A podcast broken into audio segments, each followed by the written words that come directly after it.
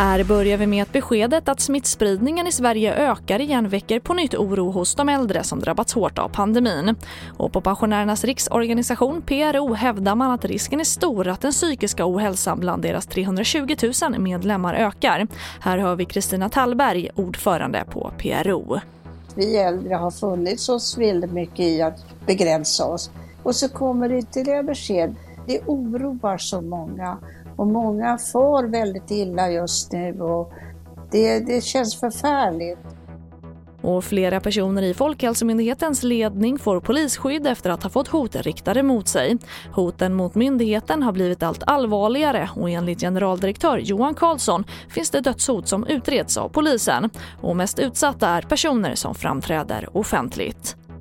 Och vi avslutar med att antibiotikaresistenta bakterier frodas i sjukhusens avloppsvatten enligt en ny studie från Göteborgs universitet. Antibiotikan kommer från patienters urin och avföring och bildar en miljö där nya former av resistenta bakterier kan växa fram som i sin tur kan vara ännu svårare att behandla. TV4-nyheterna, jag heter Charlotte Hemgren.